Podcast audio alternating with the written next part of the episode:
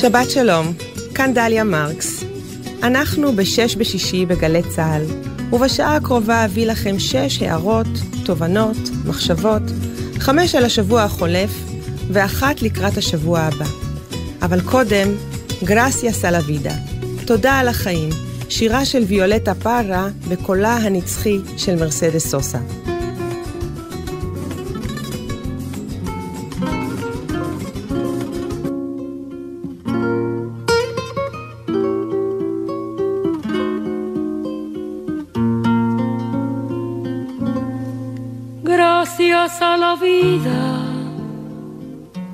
Me ha dado tanto, me dio dos luceros que cuando los abro, perfecto distingo lo negro del blanco y en el alto cielo su fondo estrellado y en las multitudes del hombre que yo amo.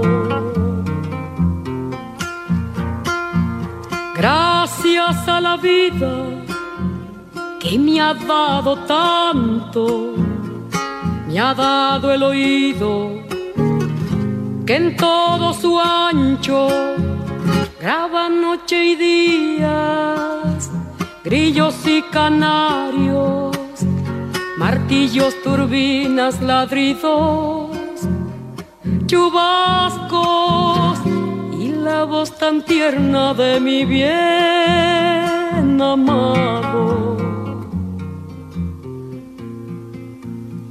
Gracias a la vida que me ha dado tanto, me ha dado el sonido y el abecedario, con las palabras que pienso y declaro, madre, amigo, hermano y luz alumbrando la ruta del alma del que estoy amando.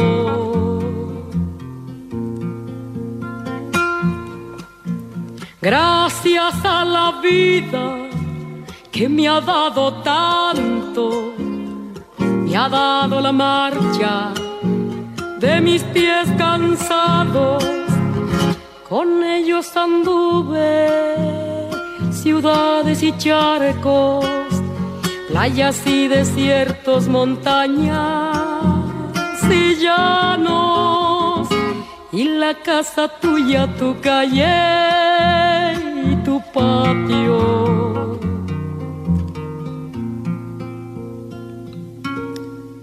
Gracias a la vida que me ha dado. יש הרבה על מה להודות. משפחה למשל. יש דברים שמיוחדים רק למשפחה, למשפחה שבה צמחנו. אחד מהם זה השותפות המאוד ייחודית הזאת עם אנשים ונשים שחולקים איתנו היסטוריה ומורשת, וגם תווי פנים, וסיפורים, וזיכרונות. במוצאי השבת האחרון נפגשנו השבט הקטן שלנו, של בני הדודים. באנו מרחבי הארץ ומרחבי החברה הישראלית לסלון של ארי ואלה במודיעין, למפגש מלא אהבה וחום.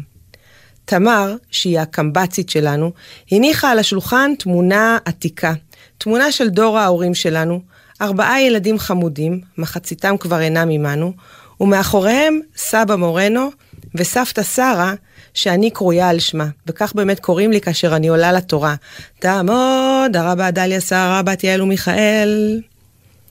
הסתכלתי על תמונתו של סבא מורנו, איש ירושלים העתיקה, ירושלים של פעם, שמשפחתו יצאה מהחומות אל ירושלים החדשה.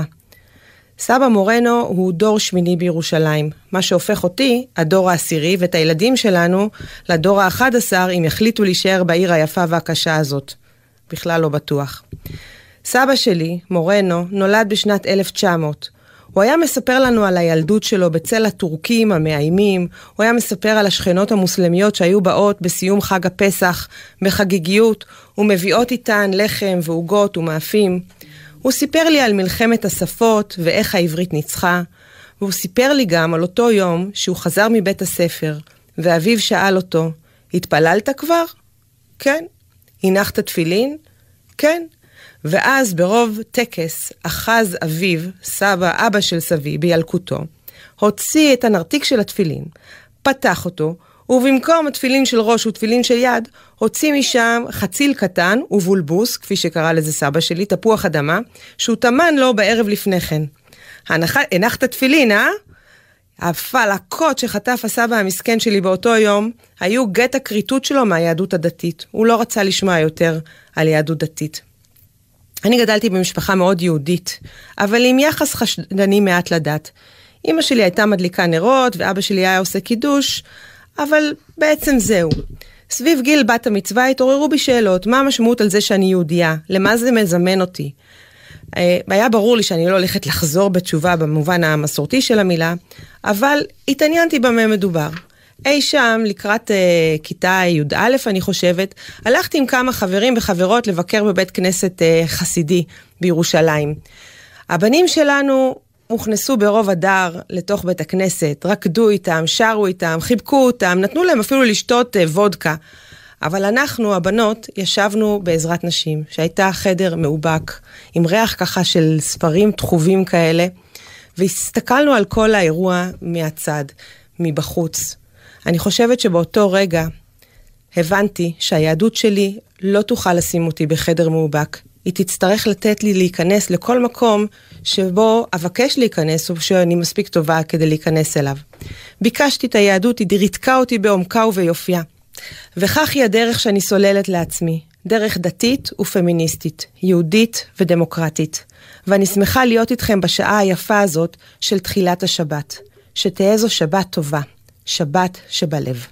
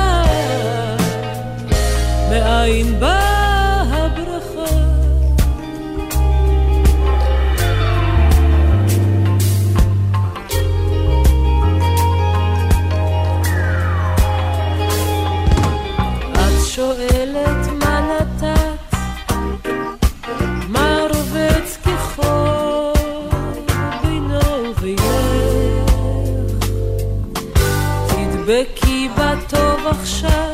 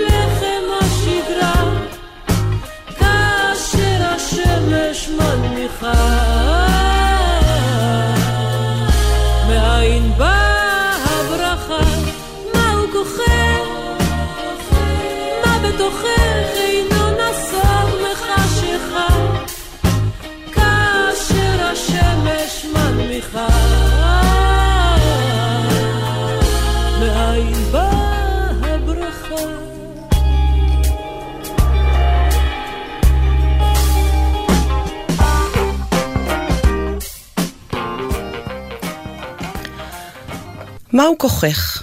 מה בתוכך אינו נסוג מחשיכה? שואלת רחל שפירא, כאשר השמש מנמיכה.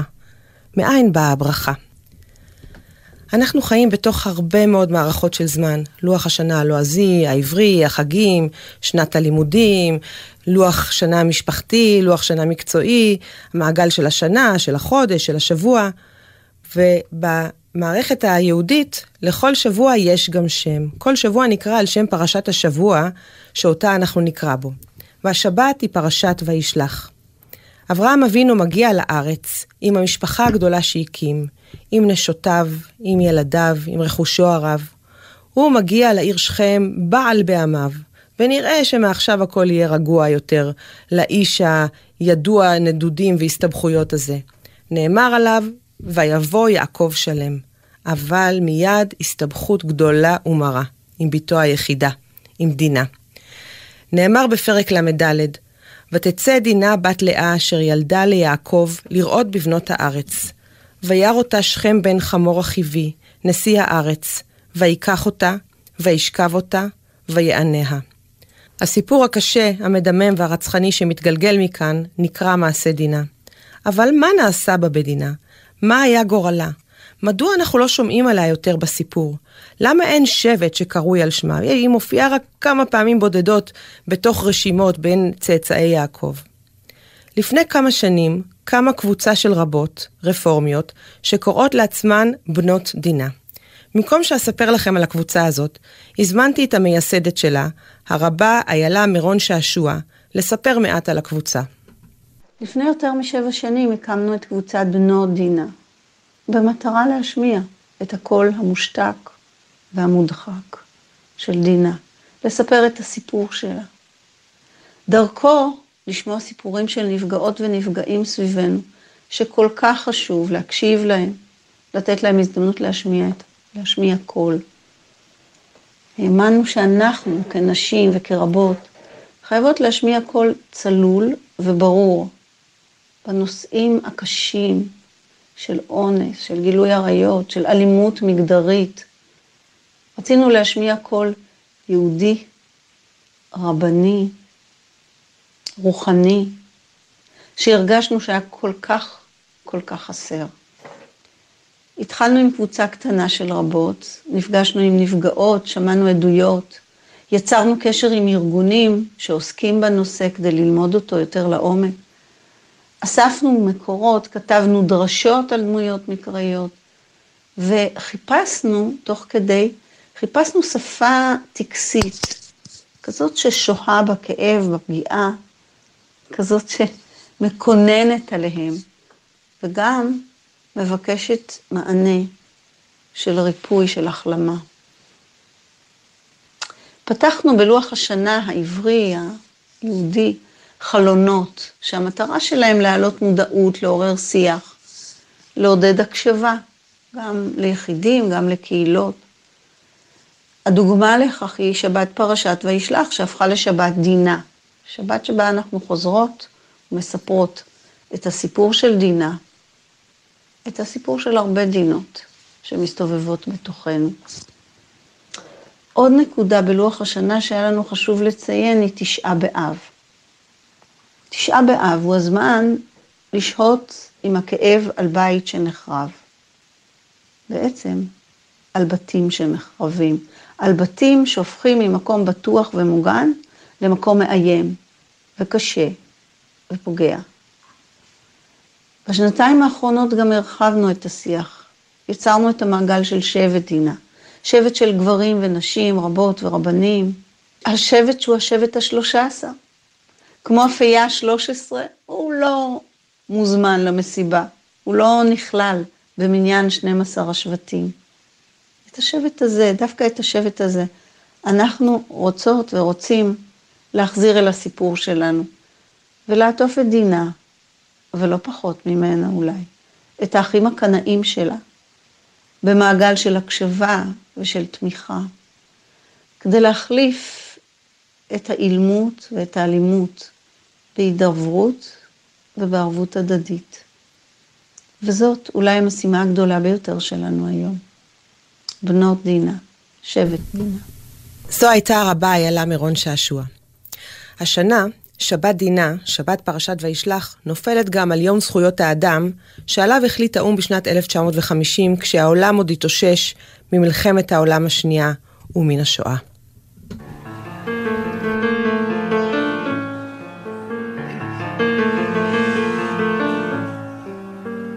שמרי נפשך, כוחך שמרי, שמרי נפשך. שמרי חייך, שמרי חייך. מקיר נופל, מגג נדלק, מצל חשך. מאבן קלע, מסכין, מציפורניים. שמרי נפשך, מן החותך, מן השורף. מן הסמוך כמו עפר וכמו שמיים. מן הדומה, מן המחכה והמושך. והממית כמי באר ואש קיריים. נפשך שמרי ובינתך שיער ראשך, אורך שמרי, שמרי נפשך, שמרי חייך. זה ערב קיץ לכאורה, זה לכאורה רק ערב קיץ טוב, ידוע וישן, שבא לחסד ולרחמים, לא למורא ולא לרחש חשדות ודבר עשן. שבא עם ריח תבשילים ועם נורא אשר תאיר עד ננוח ונשען, עד אם ננוח ונשען. רק ערב קיץ חם וטוב הוא לכאורה, רק ערב קיץ חם שבא לא למורא. הנה הרוח יד שולחת טוב לי רחש פתאום חלון לאט נפתח בחשיכה. אמרי מדוע את צוחקת כמו פחד, אמרי מדוע את קופאת כמו שמחה. אמרי מדוע העולם כוזר עדיין, ואש ומים מביטים בו מכל צד. אמרי מדוע בו מפרפרים חייך, כמו ציפור מבוהלה בתוך כף יד. אמרי מדוע את מעוף ורעד רב. ציפור בחדר, בחפשה אשנב. זה ערב קיץ לכאורה, זה לכאורה רק ערב קיץ טוב, ידוע וישן, שבא לחסד ולרחמים, לא למורא ולא לרחש חשדות ודבר עשן, שבא עם ריח תבשילים ואם נורא אשר תאיר, עד אם ננוח ונשען, עד אם ננוח ונשען, רק ערב קיץ חם וטוב הוא לכאורה, רק ערב קיץ חם שבא לא למורא. שמרי נפשך עייפה, שמרי נפשך, שמרי חייך, בינתך, שמרי חייך. שיער ראשך אורך שמרי, שמרי יופייך, שמרי ליבך הטוב, המציאו בידיי.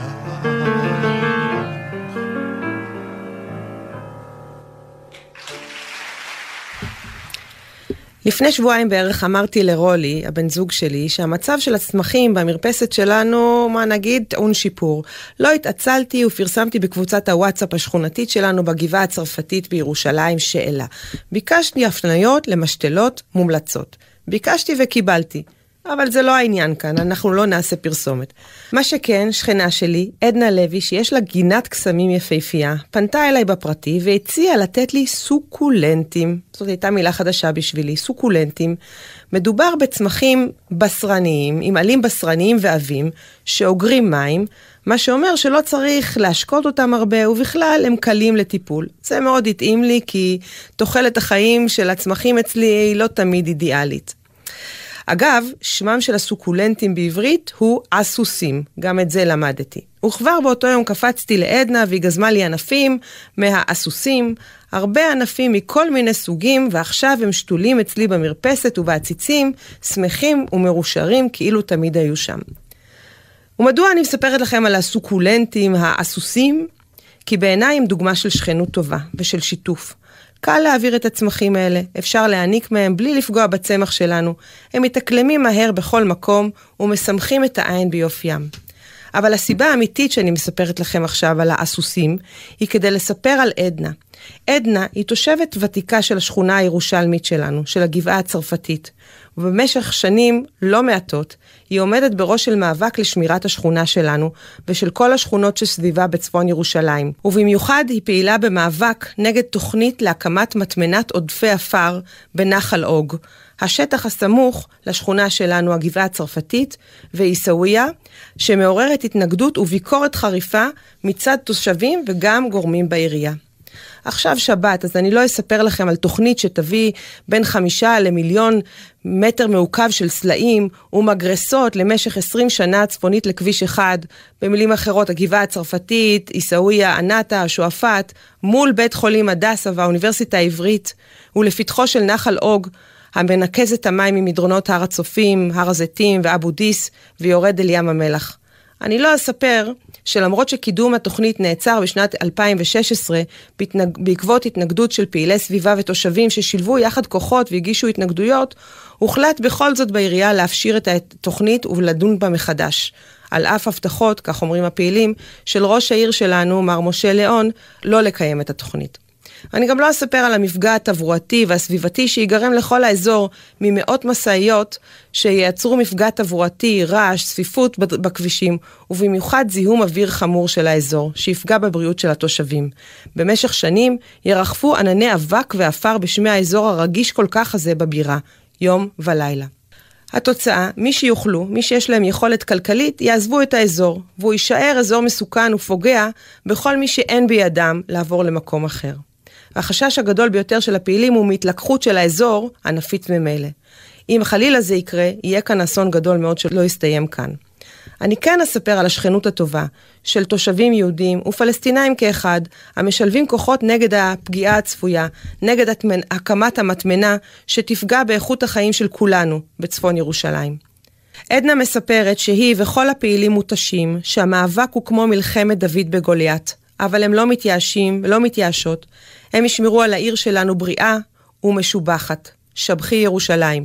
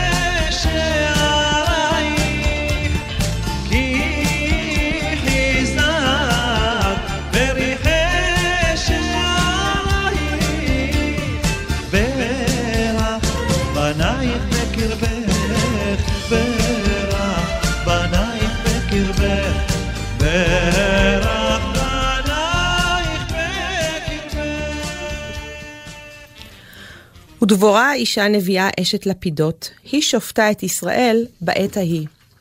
בתלמוד נאמר 48 נביאים ושבע נביאות נתנבאו להם לישראל, ובהמשך נאמר שבע נביאות מן נינו, כלומר מי הן? שרה, מרים, דבורה, חנה, אביגיל, חולדה ואסתר.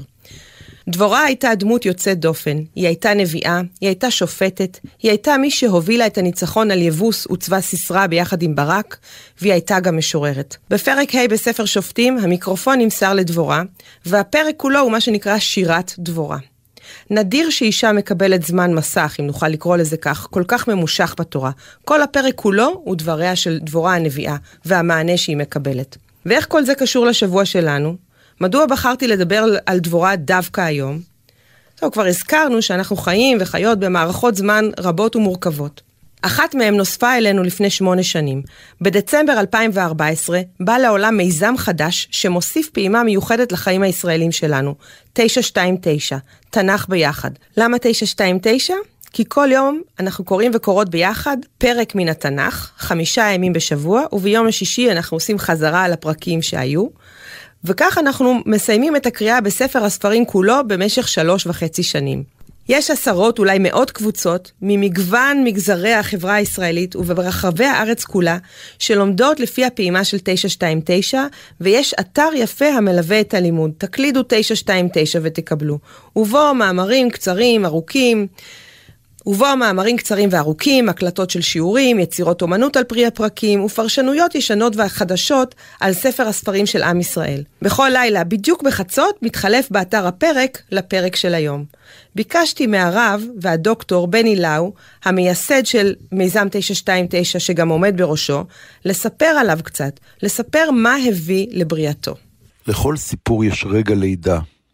בחוויה שלי, 929 נולד בכניסה לבית ספר תיכון במרכז הארץ, שכבת י"א יושבת באולם גדול, אולם ספורט, כ-180 תלמידות ותלמידים, ואני מוזמן לתת להם שיחה לקראת משהו, חג, אירוע, אין לי שמץ מושג.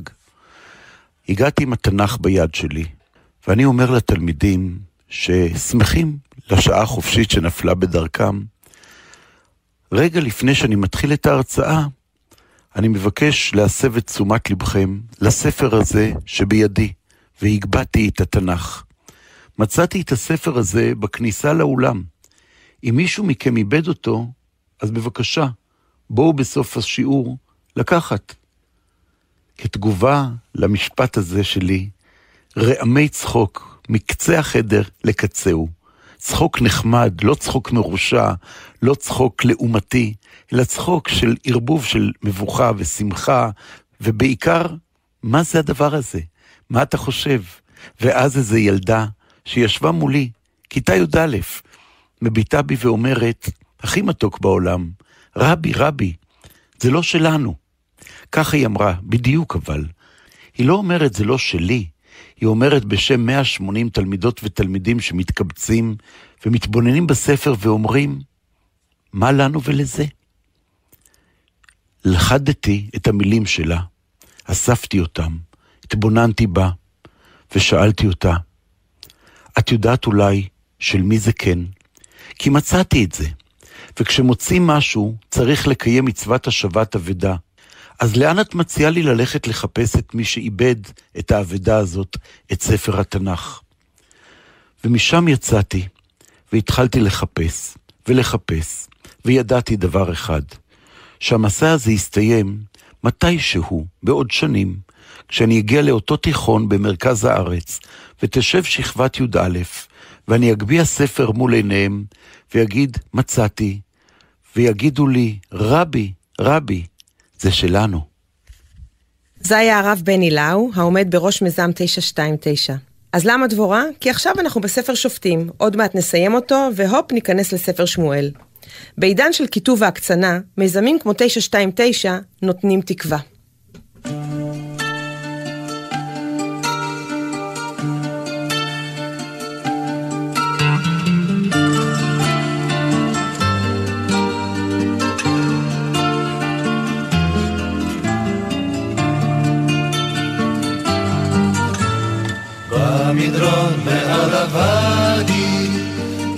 השקדי הפורח, באוויר מכוח הדסים.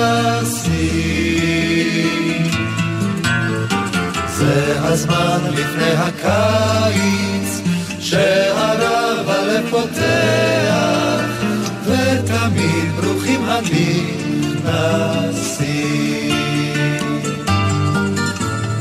בימים אשר כאלה מחכים עד בוא הליל, מחכים לצעדים קרבים.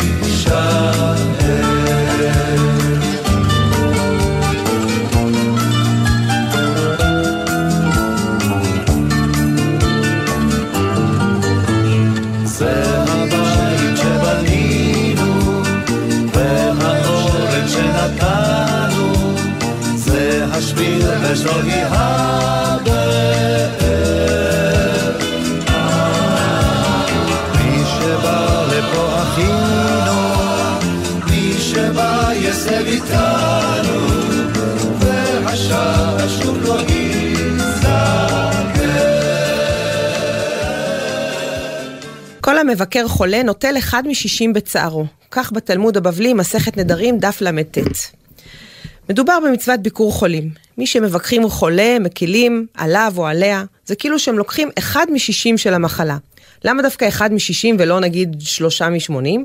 כי הביטוי של אחד משישים הוא ביטוי שמצד אחד מבטא משהו מאוד מאוד מצומצם. מכירים את הביטוי בטל בשישים?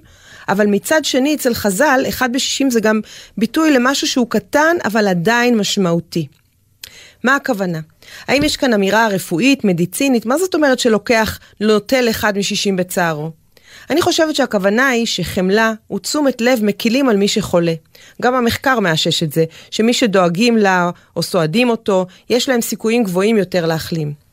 את האמירה הזאת, כל המבקר חולה נוטל אחד משישים בצערו, אמר רבי אחא בר חנינא, מחכמי התלמוד, שחי בארץ ישראל במאה הרביעית, אבל הדברים שלו מתאימים גם היום. קשה להיות חולה. מלבד האיסורים הגופניים והדאגה, יש משהו קשה בבדידות. או הבדידות שנכפתה על אדם שצריך להישאר בבית, או בדידות רגשית, כי אולי אין עם מי לדבר, ולמי לספר, עם מי לחלוק. והתלמוד מעודד למצוות ביקור חולים. כל המבקר חולה, נוטל אחד משישים בצערו. הקורונה שמה כל כך הרבה מאיתנו בבידוד. ביקור חולים לא יכול להתקיים בדרך הרגילה של ביקור ממש. וההגבלות, כדרכם של הגבלות, דווקא הביאו ליצירתיות רבה. איך לבקר את החולים, איך לעודד את רוחם, איך להקל עליהם, אם אי אפשר להיות איתם ואיתן בכפיפה אחת ממש. ולמה אני חושבת עכשיו דווקא על מצוות ביקור חולים, שמופיעה במסכת נדרים? ולמה אני חושבת עכשיו דווקא על מצוות ביקור חולים שמופיעה במסכת נדרים? או, זה קשור גם למעגל הזמנים וגם לקורונה. הדף היומי, שהוא שיטת לימוד של הרב מאיר שפירא מלובלין, ובשנה הבאה נציין מאה שנה לקיומה, לפי שיטה הזאת בכל יום לומדים דף אחד מן התלמוד. דף אחד מתוך 2,711 דפים מהתלמוד, וזה לוקח שבע שנים וחצי לסיים את כל התלמוד. בדיוק כפול, כמעט בדיוק כפול מה, מה שלוקח לסיים את התנ"ך. מדי מחזור גדל מספר הלומדים והמלמדים, וכיום כמה משמח גם הלומדות והמלמדות. ובדיוק עכשיו אנחנו במסכת נדרים, והשבוע קראנו את הדף הזה. ואיך כל זה קשור לקורונה? אחת המתנות של הקורונה, הרי קורונה קלקלה הרבה, אבל היא גם פתחה כל מיני הזדמנויות. היא קבוצה שנוצרה ממש בראשית הקורונה, כאשר פרופסור ורד נועם, אביעד פרידמן ואילנה מושקין פתחו קבוצה שנקראת ענן כבודיך. למה ככה? למה ענן כבודך? כי הקבוצה הזאת פועלת על ענן, כלומר בזום, ומן השבוע הראשון של הסגר הראשון ב-2020, לומדים בו את הדף היומי, ובו מלמדים מרצים ומרצות, רבנים ורבות, בולטים מן הזרמים השונים ביהדות. כל יום שיעור, כל יום דף, ויש בקבוצה הזאת, בענן כבודך, גם שלוש תפילות ביום, שחרית, מנחה וערבית, והשבוע בדיוק למדנו את הדף הזה במסכת נדרים. מדי בוקר עשרות אנשים ונשים, אורתודוקסים, מסורתיים, רפורמים וחילונים, מתכנסים ומתכנסות ביחד ללמוד תלמוד, והשיעורים של ענן כבודך עולים אחר כך ליוטיוב. אני חושבת שעצם המפגש הזה, שבינתיים מתקיים לא רק בזום, אלא הפך לחברויות של ממש, הוא תיקון גדול למצב של הפילוג והקיטוב בחברה הישראלית, ממש כמו מיזם 929. הוא מדגים איך אפשר להיות ולחיות ביחד אם רק נדע להקשיב. נשמע עכשיו שיר של אורי אנסבכר, זכרה לברכה, שנאנסה ונרצחה, והיא בת 19 בלבד. השיר שלום עולמים נמצא ביומנה לאחר מותה. הלחינה ושרה אותו הרבה דליה שחם.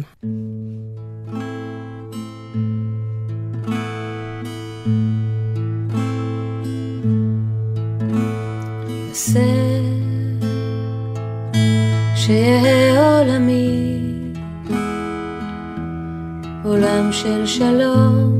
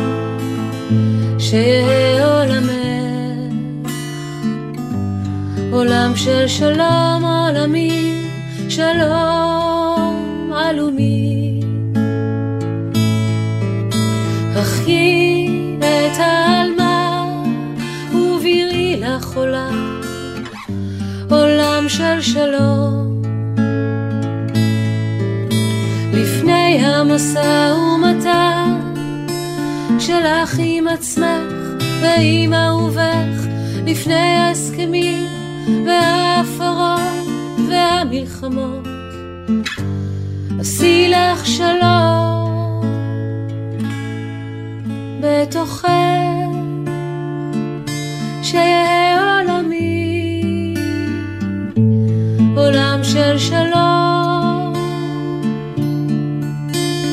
עשי שיהיה עולמך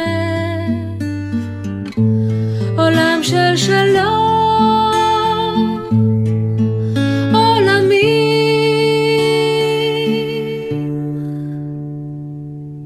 הרבה דליה שחם שרה את שירה של אורי אנסבכר, זכרה לברכה.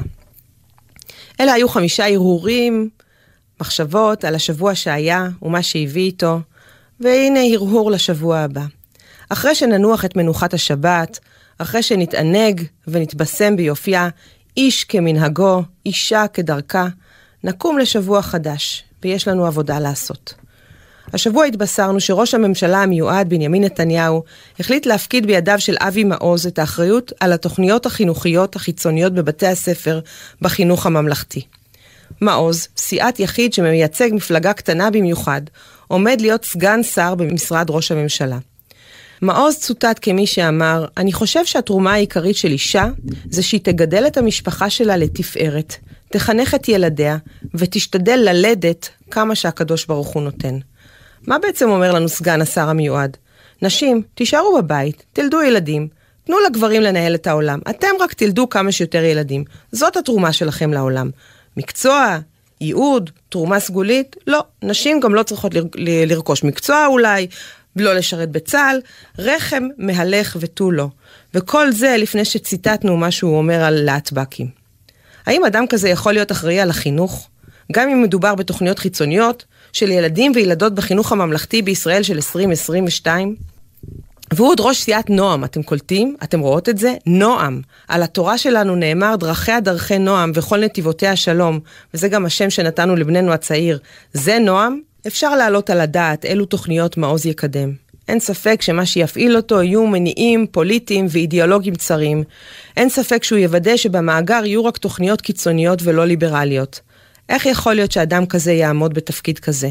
הרי זו סכנה לדמוקרטיה הישראלית. וכאן באה לידי ביטוי הבריאות של החברה שלנו. עשרות מועצות מקומיות, אני אפילו לא יודעת כמה, כי כל יום מצטרפות עוד, והמון מנהלים ומנהלות של בתי ספר, מסרו שלא ייתנו לאבי מעוז דריסת רגל אצלם. כל אלה מבינים ומבינות היטב שחינוך טוב הוא חינוך שמעורר חשיבה, הוא חינוך שמעורר יצירתיות, וחינוך שבא להעלות שאלות. כרבה, וכמי שמכשירה את דור הרבנים ורבות העתיד בהיברו יוניון קולג', בית המדרש ללימודי רבנות של התנועה הרפורמית, ברור לי שמה שעומד בבסיס של כל יצירתיות, אזרחית, רוחנית, דתית, אנושית, היא היכולת לשאול שאלות, היכולת להרחיב את היריעה. וכן, אף על פי שלפעמים נראה שהחברה שלנו פה היא מנומנמת, יש כאן הבנה רחבה שהחינוך הוא בנפשנו, שכאן נחצה קו, ששיקולים פוליטיים צרים יביאו כאן להרס עצום. ולא מספיקים המנהלים וראשי המועצות, נחוץ שההורים ישמיעו קול רם נגד הפגיעה בחינוך. כי היהדות, היהדות האמיתית, אינה אינדוקטרינציה. כי היהדות מעודדת אותנו לחשוב. השם שלנו, עם ישראל, קרוי על שמו של יעקב אבינו, ש... ישראל, הוא נאבק במלאך. זאת יהדות אמיתית. לא יהדות של יישור קו מפלגתי, לא יהדות של צייתנות, לא יהדות של עצימת עיניים. החינוך צריך להיות פריסה רחבה, הוא צריך לעודד לחשיבה, הוא צריך לעודד את תרבות השיחה, את המחלוקת לשם שמיים. בתור צידה לדרך לשבוע הבא, אני רוצה להקריא חלק מתוך תפילה שחיבר הרב דן פרת, והיא מופיעה בסידור תפילת האדם, סידור רפורמי ישראלי, שזכיתי להיות העורכת הראשית שלו ביחד עם הרבה אלונה ליסיצה. תן בנו את הכוח להגן על אלו אשר נבצר מהם להגן על עצמם. תן בנו אומץ להתגייס למענם כמיטב יכולתנו, גם במחיר חוסר אהדה אלינו. הזכירנו את הבאים בימים לבל ניטוש אותם בעת שיבתם, את הילדים שאינם זוכים למילה מנחמת ויד מוחה דמעה, את הזרים העובדים למעננו, החשופים לניצול ועושק, את הנשים המוכות שכה קשה לשמוע את זעקתם המוחנקת, את החסרים גג לראשם, ואת כל הנכמס והנדכא, הקורא ואין לו שומע, אין לו פודה. ברוך אתה אדוני, הנותן לאדם אושר, לומר עם עלותו על משכבו, טוב עשיתי היום. היצירה האחרונה שבחרתי לנו היא יצירה של יוצר היצירה האחרונה שבחרתי לנו להיום היא פרי עטו של יוצר צעיר ומוכשר מאוד, תום זילברשטיין, שהוא גם במקרה הבן שלי, וזאת מנגינת הנושא של סדרת אנימציה שתעלה בקרוב בכאן תאגיד השידור.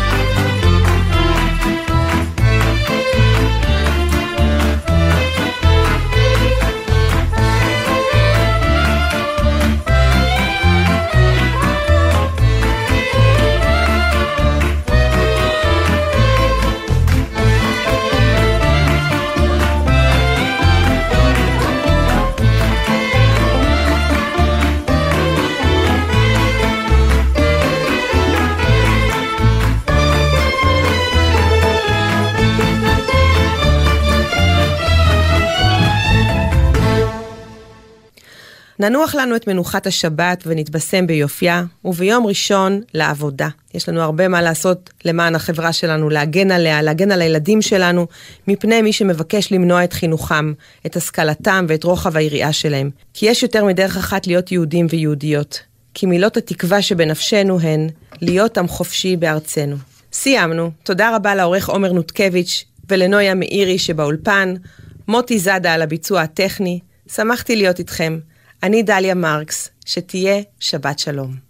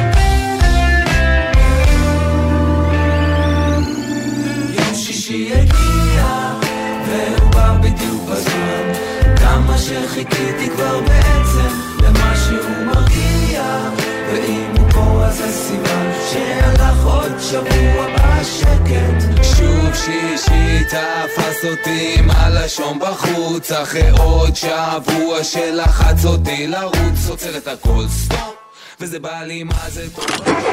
מה נשמע, נשמע, סוף השבוע, היית של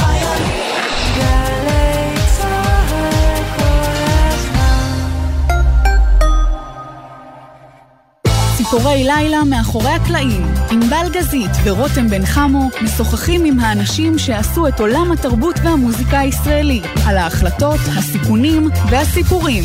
והשבוע, במאי התיאטרון אילן רונן. מי חלם שאותי, הקטן, שנולד לו באיזה קיבוץ עין גב, ויזמינו יום אחד לביים בתיאטרון עמלי, שזה התיאטרון ששוכן ממש במרכז מוסקבה, ונחשב לאחד המובילים שם. ציפורי לילה מאחורי הקלעים, מוצאי שבת בחצות גלי צה"ל. עם מי הייתם רוצים לשבת לקפה?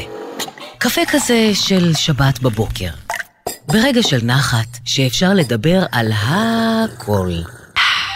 נורית קנטי מזמינה אתכם להצטרף אליה בכל שבת ב-8 בבוקר לשיחה אישית עם דמויות מפתח בחברה הישראלית. והשבוע מייסד התנועה לאיכות השלטון בישראל, אליעד שרגא, שמונה לקפה עם נורית קנטי. מחר, 8 בבוקר, גלי צה"ל. נסרין קדרי מגיעה לאופרה הישראלית עם תזמורת ירושלים מזרח ומערב. בינט אל סולטן, בת הסולטן, מופע מיוחד עם עיבודים חדשים ללהיטים של הכוכבות הגדולות של הזמר הערבי, בניצוחו של המאסטרו תום כהן. שלישי, שמונה בערב, בית האופרה תל אביב, ובקרוב בגלי צה"ל. לרגל יום ההוקרה לפצועי מערכות ישראל ופעולות האיבה, עושים צהריים בשידור מיוחד מבית הלוחם בתל אביב. יעל דן עם הקולות של אלה שיצאו להגן על המדינה ונותרו עם הצלקות בגוף ובנפש. ראשון, אחת בצהריים, גלי צה"ל.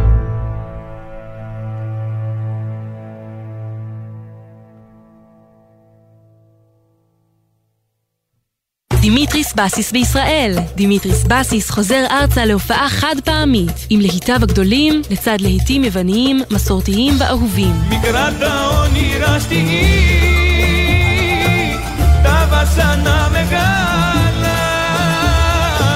שני, תשע בערב, מוזיאון תל אביב לאומנות, ובקרוב בגלי צה"ל.